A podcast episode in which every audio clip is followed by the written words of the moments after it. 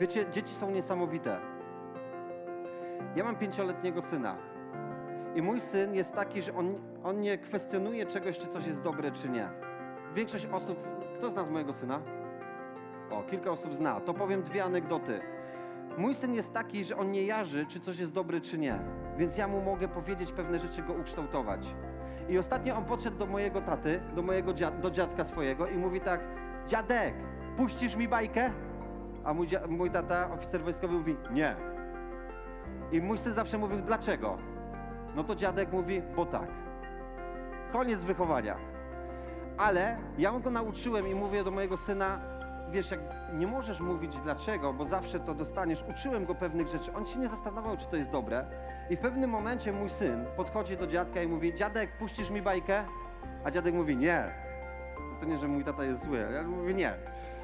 A mój syn wtedy podchodzi do niego i mówi tak, dziadzio, a czy mógłbyś powiedzieć, z jakiego powodu nie chcesz mi puścić tej bajki? I mój tata ma tak zwaną konfuzję. On nie wie, co teraz i jak ma gadać. Zaczyna się tłumaczyć przed pięciolatkiem, dlaczego nie chce mu puścić bajki. I wiesz, poszedłem dalej z moim synem i on teraz jak mu się wytłumaczył, bo wiadomo, mój, mój tata mówi, wiesz synu, bo to za dużo, bo ten, to mój syn się nauczył, że można wpływać na ludzi i że są pewne rzeczy, które mogą dać wartość, więc podchodzi do swojego dziadka i mówi, nic nie szkodzi dziadzio, ważne, że jesteśmy razem.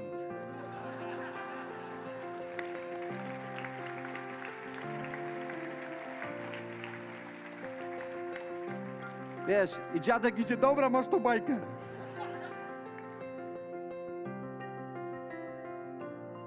Widzisz, my żyjemy w systemie wpływu.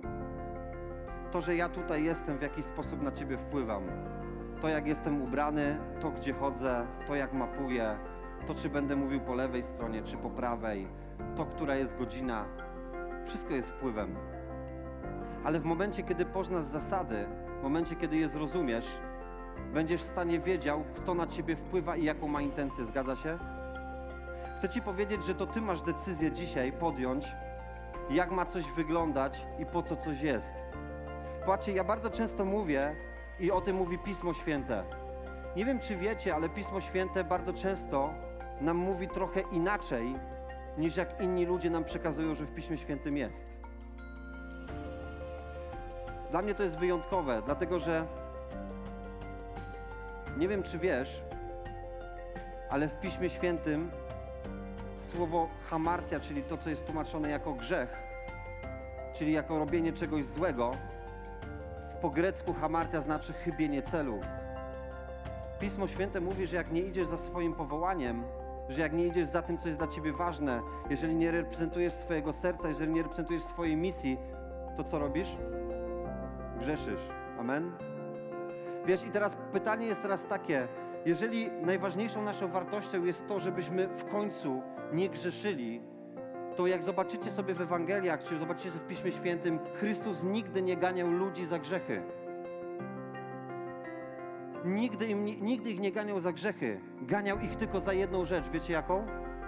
Za tworzenie własnych praw. I druga rzecz za to, że byli tchórzami. Wiecie, jest przypowieść o talentach, gdzie, gdzie Pan rozdaje talenty ludziom. Jednym dał pięć, drugiemu dał trzy, ostatniemu dał jeden. Ja kocham tą opowieść, bo ona mówi, że Bóg rozdaje nam wszystkim talenty. Talent to jest olbrzymi pieniądz.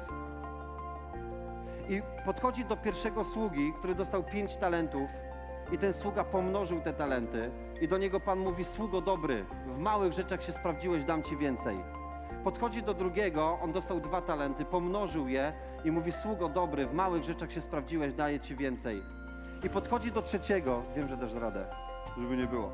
Podchodzi do trzeciego i ten sługa jest uchachany i mówi: Panie, ja bałem się stracić te pieniądze, więc je zakopałem, ale teraz je odkopałem dla ciebie i ci je oddaję.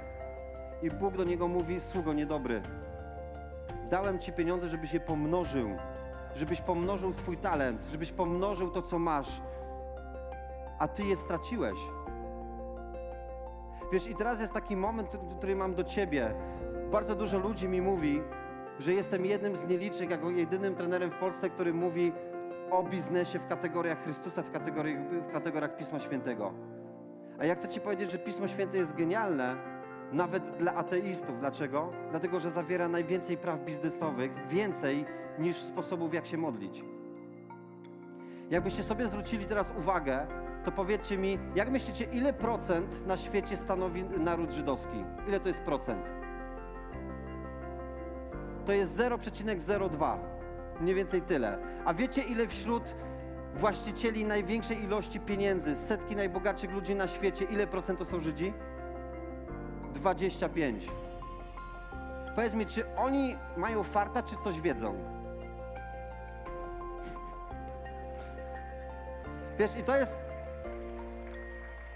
To jest taki moment, który chcę Ciebie zaciekawić teraz czymś. Nie wiem, kim jesteś, nie wiem, czy wierzysz. Ja głęboko wierzę, nie wstydzę się Chrystusa, ale nie wiem, czy wierzysz, to nie ma dla mnie teraz znaczenia. Chcę Ci powiedzieć, że w Piśmie Świętym jest więcej praw sprzedaży, zarabiania pieniędzy niż modlenia się. I na przykład w Starym Testamencie każdy Żyd wie, jak każdy Żyd zarabia, to wszyscy wiedzą, że jest Boży. Bo bycie bogatym to jest dobre. W Ewangelii Jana w 10 rozdziale, w 10 wersecie Bóg do nas mówi, że przyszedł na świat, żebyśmy żyli w obfitości. Sprawdź. W, w, w piątym rozdziale, w 13 wersecie Apokalipsy Bóg do nas mówi, że godny jest e, bogactwa. A ile razy słyszeliście, że prędzej przejdzie wielbłąd przez ucho igielne, niż bogaty wejdzie do Królestwa Niebieskiego? Słyszeliście? Największy bullshit świata. Wiesz, że teraz życie, życie pełne wiary to jest życie z miłości, życie zarabiania pieniędzy po to, żeby robić wielkie rzeczy na chwałę Pana. Tylko widzisz, jest jeden problem, trzeba mieć odwagę. Bo łatwo być, słuchajcie, to jest niesamowite, ale kiedyś zrozumiałem, że naprawdę łatwo być bogatym. Jesteście, jesteśmy niesamowitym narodem. Jesteśmy jedynym narodem, którego inne narody nie rozumieją. To jest, jesteśmy jedynym narodem, który wydaje więcej niż zarabia. I mamy najlepszy wzrost gospodarczy w Europie. I to jest naród, który dostaje 500 na, pierwsze, na drugie dziecko, teraz dostanie na pierwsze, więc się cieszę. I kiedyś się śmiałem, że dostanie 500, jak zadeklaruje, zadeklaruje, że za rok będzie miał dziecko, ale poszli dalej, dają na krowy. Wiecie, i niesamowite to jest, bo mamy, mamy, największy, mamy największe wzrosty gospodarcze. I wiecie, wiecie dlaczego? Dlatego, że jesteśmy takim cholernym narodem. I ja mówię teraz do siebie, nie do ciebie, albo do twoich znajomych, do ciebie nie mówię. Bo jesteśmy takim cholernym narodem, że jak trzeba zakasać rękawy, jak trzeba coś zrobić, jak trzeba zarobić, jak trzeba mieć, jak jest jakiś problem, jest jakieś wyzwanie, to zawsze znajdujemy na to rozwiązanie. Zgadza się? Amen? To teraz mam do ciebie takie pytanie. Wiesz, jaka jest różnica między przedsiębiorcą i to nie chodzi o właściciela biznesu, funkcją bycia przedsiębiorczym, a byciem człowiekiem, który jest alternatywą do przedsiębiorcą. Popatrzcie, osoba, która jest alternatywą, bardzo często nie sięga po to, co jest przed nią. Dlaczego? Bo mówi, że nie musi. To są ludzie, którzy nie są przed, bo oni nie muszą sięgać po szansę. Ale w momencie, kiedy im zabierzesz coś, to co będą robić? Będą tego bronić. Zabierz górnikom, ja nie mam nic do górników, ale zabierz górnikom jakiś przywilej. Uwierz mi, że nie zdążysz dojść do domu. Rozumiesz? Wiesz dlaczego? Bo bronią tego, co się im zabiera, a nie po to, co mogą sięgnąć. Ale przedsiębiorca to jest osoba, która sięga po coś, bo ona rozumie, że jak sięga po coś i tego nie weźmie, to jest tak, jakby to, co zrobiła, straciła. Dlatego ma wewnętrzny imperatyw. Wiecie, i teraz to, co chciałbym z Wami poruszyć, to chciałbym Wam pokazać, jak funkcjonuje ludzki mózg. Ludzki mózg ma jeden, około 1,2 i 1,4 kg. I niesamowite to jest, za co odpowiada głównie ludzki mózg. Generalnie rzecz ujmując, ludzki mózg odpowiada za myślenie. Od najprościej jakby to nazywać. Ale wiecie, co jest niesamowite? Jak myślicie, ile, ile procent kalorii ludzki mózg, który myśli, spala dziennie? Ile procent? Który myśli? Tysiąc. Nie, nie, tyle nie da się. Procent. Około 20%. I teraz wiecie, to jest niesamowite, bo kiedyś jak o tym mówiłem, to taki facet, który miał dość dużą ciężar ciała, mówi niemożliwe, a chudzi z przodu mówili, tak, owszem. Wiesz, To jest, jak się myśli, to się jest chudym. To nie. Ale wiecie, wyjątkowe jest to, że ludzki mózg, patrzcie, co, chciałbym wam teraz wytłumaczyć pod względem naukowym, dlaczego czegoś ludzki mózg nie lubi. Jest moment taki, teraz patrzcie, czym jest kaloria? Czym jest kaloria? Energią. I teraz powiedz mi jedną rzecz, czy ludzki mózg, który myśli, dlaczego on nie chce spalać energii? Dlaczego on nie chce spalić energii? Bo energia mu służy do czego? Najważniejszej funkcji, którą ludzki mózg musi zrobić, czyli co? Do przetrwania. Więc ludzki mózg zawsze na początku, jak dostaje coś nowe, coś, czego nie rozumie, coś, czego może się bać, coś, czego może mu się wydawać to podejrzane, to co będzie w pierwszej kategorii robił? Odrzucał, bo nawet nie chce się na tym skupiać. Znasz to? Wiesz, ile razy ktoś do ciebie przyszedł z genialną rzeczą, ale ty przez to, że mózg twój nie chce myśleć, bo nie chce zużywać energii, tak funkcjonuje neuromózg. To co robi w pierwszej kolejności? Odrzuca. I wiesz, i niesamowita teraz rzecz jest taka, że jeżeli my o tym wiemy, to chcę ci powiedzieć, że nasz mózg ma niesamowite połączenia neuronowe. I ma jedną rzecz, która jest wyjątkowa dla mnie. Ma ciało migdałowate. I to ciało migdałowate, wiecie za co odpowiada? Za strach. Ciało migdałowate powoduje, że każda informacja, która idzie do Twojego mózgu, szuka, on nie szuka rozwiązań, tylko co robi? Szuka, jak obalić to, co teraz dostałeś. I dlatego bardzo często, jak ludzie zaczynają myśleć mózgiem, zaczynają się zastanawiać, czy coś warto, czy nie, to w pierwszej kolejności jakich szukają argumentów? Że czegoś nie warto. Wiecie, ja mam taką historię, że ode mnie kumple ze studiów, znaczy moi koledzy wykładowcy, mówią mi tak, Mateusz, bo mi się to wydaje, że na tych spotkaniach, co tam macie takie w Warszawie, to to podejrzane jest. A ja mówię, bracie, masz rację, ci się wydaje. Rozumiesz?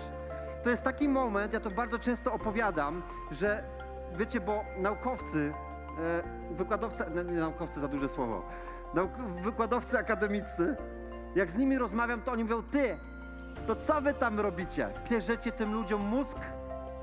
Ja mówię, stary, a chcesz wiedzieć poważnie, naukowo? Ale nie, poważnie chcesz? A on mówi, tak, chcę. Ale my wiesz, ale cię zaboli i powiem ci tak, no stówę musisz dać, bo ci zdradzę sekret. Jak będzie warte, to ci dam. Mówię, dobra, wiesz, bo my robimy tak, że ludzie przyjeżdżają do nas w weekend, na przykład do hotelu Sungate. Jest 1200 osób. Bierzemy, znajdujemy wszystkich fryzjerów w mieście. Wszystkie kosmetyczki. I one mają takie maszyny, wiecie, takie garki duże. Kojarzycie? I wiesz, i my robimy coś takiego, że kładziemy do sufitu, wiesz, te garki są nad tymi ludźmi. Oni się nie kumają czaczy, bo nie wiedzą o co chodzi. Myślą, że wystrój. I moment, kiedy mówimy o kasie, że trzeba wejść, rozumiesz? Te garki zjeżdżają, z tyłu ktoś trzyma chłopa, żeby nie uciekł, wiesz? Mu miksuje w głowie, garnek się podnosi, a chłop staje i mówi cashback, cashback.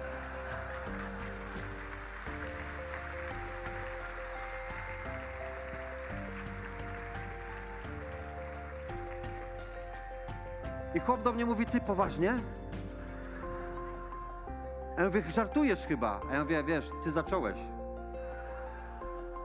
Wiesz, jest amen? Amen.